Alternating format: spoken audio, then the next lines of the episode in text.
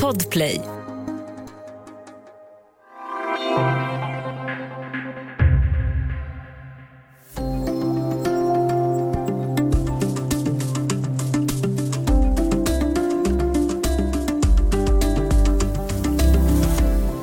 Sociala medieplattformar som Youtube och Facebook har i åratal fått kritik för att släppa igenom rasism, antisemitism och konspirationsteorier.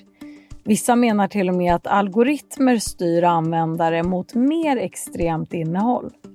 Så vilket ansvar har internetplattformarna för spridningen av rasism och fake news och hur hanterar de kritiken?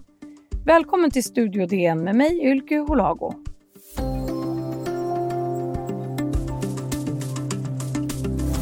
Och idag har jag med mig Linus Larsson, techredaktör här på Dagens Nyheter. Hej Linus! Hej hej! I veckan så pågår internationellt forum för hågkomst av Förintelsen och mot antisemitism i Malmö. Och en av frågorna som kommer att diskuteras det är det här med internetplattformarnas roll i spridningen av antisemitism. Och Linus, du har intervjuat en av eh, talarna på det här Malmöforumet, Pedro Pina, som är Europachef på Youtube. Varför har Pedro Pina bjudits in? Ja, orsaken är nog det att man inser hur internet i allmänhet och eh, de stora plattformarna har blivit viktiga arenor för all möjlig typ av extremism, antisemitism och annan rasism. Eh, men även för, för många sorters konspirationsteorier som ofta har inslag av antisemitism mer eller mindre tydligt. Om man tar rörelser som Qanon till exempel, den här uppfattningen att idén att det, att det finns någon form av hemligt pedofilsällskap som styr världen. Det uppstod ju helt och hållet på olika internetplattformar och bland annat de stora som eh, Youtube. Och då blir frågan om vad de ska tolerera och hur de hanterar det här väldigt viktig och företagen blir enormt mäktiga aktörer. Och hur ser Pedro Pina på problematiken och den kritik som hans företag får i den här frågan? Ja, un under min intervju så, så upp sa han vid upprepade tillfällen att de är ödmjuka inför det här och att de har mer att lära och att de inte är perfekta och så vidare. Samtidigt slår han sig för bröstet en del och säger att de är väldigt effektiva i att ta bort material som, som bryter med, mot eh, reglerna. Och, och, det stämmer ju naturligtvis att de tar bort eh, mycket och identifierar väldigt mycket, men, men samtidigt kan det där krocka ibland med vissa, vad vissa externa rapporter kommer fram till. Exempelvis nämner jag i intervjun där Youtube eh, upptäcktes reagera på bara runt en femtedel av eh, anmält antisemitiskt material, vilket man kan då säga i och för sig var bättre än, eh, eller mer än, än, än eh, andra plattformar. Eh, till sitt försvar så säger de att de ändå tog bort flera av de här filmerna, men först efter att rapporten släpptes. Och det, bara det kanske illustrerar det här på, på något sätt. Och vi pratar alltså om tiotusentals filmer med rasistiskt och antisemitiskt innehåll som laddas upp på just Youtube i det här exemplet varje månad. Och bara det senaste kvartalet så har de raderat 88 000 sådana klipp. Det här är enligt Youtubes egna siffror. Vilka är det som laddar upp de här klippen? Vilken typ av aktörer är det som ligger bakom? Det finns en extrem bredd här som Youtube ställs inför det här. Från relativt små, rent, kan vara rent nazistiska, groteska exempel eh, som extremgrupper eller individer ligger bakom. Det kan ha framförallt tidigare eh, figurerat rena terrorgrupper som, som senare har, har eh, naturligtvis stängts av från, från plattformarna IS och, och liknande. Eh, och de, de, är på sätt och vis då kanske de lättast att hantera, för där kan det vara så uppenbart vad, vad det handlar om. Och sen har vi de, liksom, de stora konspirationsteoretikerna som, som eh, Alex Jones. Han är avstängd sedan ett par år tillbaka från Youtube och även från andra plattformar. Men det var en ganska påkostad eh, studioproduktion han hade. Till de här politiska kommentatorerna då, som spänner från ja, konservativa till, till högerextrema. Eh, och eh, Youtube och som ibland kan gå över en gräns som åtminstone vissa tycker borde innebära att, de, att, att det är tydligt att de bryter mot reglerna och borde, borde, borde plockas bort. Eh, och Youtube hänvisar gärna till att de har ett tydligt, öppet publicerat regelverk om vad som är tillåtet. Men det är samtidigt uppenbart att de ställs inför en del gränsdragningar som de nog inte tycker är helt lätta. Och antisemitism och olika former av rasism, liksom andra problematiska yttringar, de finns ju i samhället och fanns ju före internetplattformarnas tid också.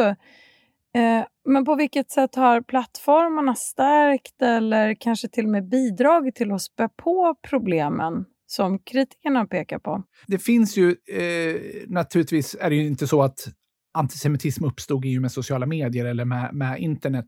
Men, men det som är, saken med de här plattformarna är att de kan bli enormt mäktiga megafoner. Om en, om en video lyfts av en sån här rekommendationsalgoritm så kan den få en, en, en mångmiljonpublik eh, direkt. Och det har gjorts en del intressanta studier där New York Times gjorde till exempel en, en väldigt intressant granskning för eh, jag tror att det var två, tre år sedan, eh, där de fick tillgång till hela YouTube-historiken för en, för en eh, man som, som steg för steg radikaliserades åt ett, eh, åt ett högerextremt eh, håll genom YouTube-filmer som han tog del av. Och då kan man se då månad för månad, år efter år, eh, hur, hur mer och mer av hans, kom, hans eh, Eh, konsumtion av filmer eh, var från de här eh, olika typer av, av mer eller mindre högerextrema eh, eh, aktörerna och, och hur, hur, Youtube blev då platsen där han liksom kunde gräva sig längre och längre ner i den här ehm, i, den här, eh, i det här kaninhålet, så att säga. Han har senare liksom tagit avstånd från det och,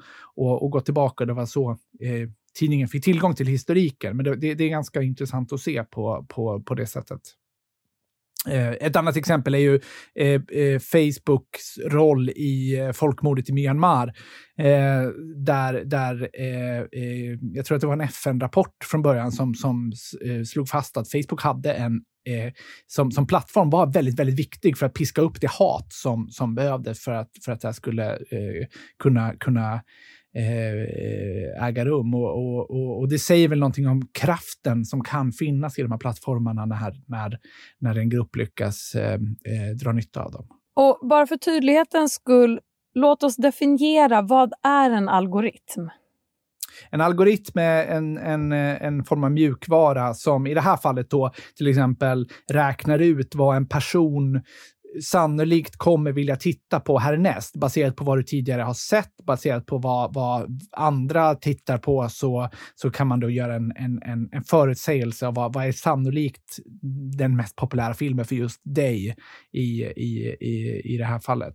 Och det finns då en kritik mot att vissa anser att, att Youtubes algoritm har liksom kunnat styra människor mot mer och mer extremt eh, eh, innehåll. Och det där är någonting som är omtvistat och som Youtube eh, bestämt eh, tillbakavisar. Men, men däremot är det ju så att om du börjar snöa in på ett visst ämne, som då kanske är eh, eh, någon, någonting som drar åt ett politiskt extremt håll, då kommer du också eh, eh lyftas eh, eh, material som, som påminner om det. Så på så sätt så kan man ju hamna i en, i en, i en eh, snurra, så att säga. Vi ska ta en kort paus och sen prata mer om hur internetplattformar hanterar den här kritiken kring extremt innehåll.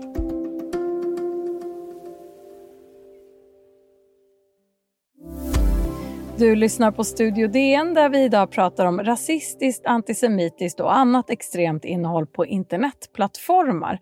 Linus Larsson, eh, de stora internetplattformarna har ju redan förbud mot till exempel rasistiskt innehåll men också mot pornografi för att nämna ett par exempel. Hur söker de upp och tar bort sånt här förbjudet material? Ja, det man får komma ihåg är att de hanterar ju otroliga mängder eh, film i fallet med Youtube. Eller, och, och, alla de här plattformarna hanterar ju så, så mycket material så att det blir nästan eh, ohanterligt om det skulle vara eh, bara människor som gör det. Så att de, de eh, har tränat maskiner, så att säga. Maskininlärning brukar man kalla det, en form av artificiell intelligens. Mjukvara som, som är eh, designat för att eh, eh identifiera potentiellt eh, otillåtet material. Och sen eh, är de tydliga då med att eh, det utöver det också är en mänsklig stab. Youtube pratar om 20 000 personer som är anlitade för att eh, granska eh, material eh, på det sättet. Och det är väldigt tydligt att det här fungerar olika effektivt. Till exempel om man tar Eh, eh, upphovsrättsintrång som också är förbjudet, då, då är de blixtsnabba med eh, att identifiera sånt. För det är väldigt lätt att göra automatiserat. Men också till exempel bilder på nakna människor, eller vi, eh, porr på YouTube till exempel, är ett, ett eh, i princip icke-problem. Och det där var någonting som de tydligt säger också. Där kan algoritmerna identifiera det nästan omedelbart och ta bort det. Det är svårare med annat material som till exempel eh, eh, hatretorik som de kallar det, eh, antisemitism, rasism och trakasserier och så vidare. Som vi har varit inne på tidigare så menar kritiker att de här åtgärderna inte räcker. Organisationen Center for Countering Digital Hate redovisade nyligen hur Youtube, men också Facebook och TikTok och andra plattformar är sena med att reagera på antisemitiskt material och sånt som du nämnde tidigare också här, sprider konspirationsteorier om judar eller covid-pandemin eller 11 september-attacken. Vad är det för ytterligare eller mer finkalibrerade insatser som kritikerna vill se? Ja, det är ju inte helt lätt att säga exakt. De vill ju se snabbare reaktioner och, och, och lite mer hårda tag mot, mot den här typen av material. Men, men eh, eh jag, jag, tror man också måste vara lite ödmjuk inför att eh, hantera sådana enorma informationsmängder som det här handlar om eh, är inte helt eh, enkelt. Det finns liksom ingen, det finns ingen teknisk switch som gör det, gör det att, att, man, att man uppnår det eh, eh, över en natt. Så att det är en, en, en, det är en knivig fråga ändå hur man, hur man ska hantera det här. Det finns ju någon som lyfter, fråga, lyfter liksom idén att eh, man ska inte få ha så fritt uppladdande eller allting ska förgranskas. Så Men, men då, då är man inne på att liksom vända upp och ner på vad de här plattformarna är egentligen. Och jag Eh, eh, tror man ska passa sig lite kanske också för att jag tror inte vi vill ha riktigt eh, den här typen av stora, ändå väldigt mäktiga plattformar som, som eh, eh, eh, bara raderar och raderar och raderar och, och hellre fäller än friar i, i, i precis eh, vartenda fall. Jag, jag, jag, det, är lätt, det är lätt att och, eh, det är lätt att diskussionen hamnar väldigt mycket åt det hållet när, när, när fokus är på liksom grov rasism och, och, och, och eh, liknande saker och direkt farligt material ibland. Men men, men, men, men samtidigt tror jag vi skulle kunna se ett hemska exempel på, på, på om, om man gick för långt åt, åt ett håll där de bara raderar och raderar också. Ett sätt att komma åt problemet men också mota kritiken är ju det som eh, Facebook har gjort. De har tillsatt ett tillsynsråd. Vad är det här rådets uppdrag för någonting? Ja, tillsynsrådet på Facebook är Oversight Board som det kallas på engelska. Det, det, det, det beskrivs ibland som en högsta domstol för yttrandefrihetsfrågor på, på Facebook. Och det, det är ett råd som är tillsatt av Facebook och finansierat av Facebook. Men, men tanken och mål, alltså, de, de lovar då att den ska ha en helt, helt oberoende roll. Eh, och det, det, funkar då så att de, man kan överklaga ett beslut dit om man inte är nöjd med vad, vad, Facebook har beslutat. Och ganska många gånger så går de emot eh, Facebooks eh, beslut. Rådet består av eh, jurister och eh, aktivister och ehm, eh, före detta politiker och så från, från, från hela världen som, som ska ha det sista, sista ordet i, eh, vad gäller sådana frågor. Nu har vi med de senare, de som har uppmärksammat att det har varit en serie läckor och ehm, eh, eh, eh, larm från interna visselblåsare från Facebook. Eh, nyligen så har, har, har det handlat bland annat om att det här rådet verkar ha... Facebook verkar inte ha varit ärliga mot det här rådet, eh, utan fört dem bakom ljuset i vissa frågor. Så att den här modellen skakas just nu ganska mycket i grunden. Men, men eh, eh faktum är att rådet går runt Eh, eh, går emot Facebooks vilja ganska många gånger. Youtube har inte varit intresserad av att eh, jobba med den här modellen hittills. Så det var en av de frågorna jag tog upp också. Och då, de anser att de är för annorlunda och, och de jobbar ändå med externa experter och så. De får själva hållas ansvariga, men de visar inget intresse för att, för att gå åt det eh, hållet. Men tillsynsrådet på Facebook just, vad har de haft för inflytande? Ja, men de har vänt upp och ner på ganska många beslut om enskilda eh, raderade inlägg som, som rör då, är det här bara legitim kritik eller är det hatiskt mot en viss grupp, uppmanar till våld eller, eller är det en legitim diskussion? Den typen av frågor när, eh, har, har hamnat i, i, hos dem och så har de fått ta ett, ta ett beslut och ganska många gånger gått emot vad, vad Facebook har eh, beslutat. Och när har rådet blivit överkört av Facebook? Kan du ge något exempel på de här konflikterna som har varit?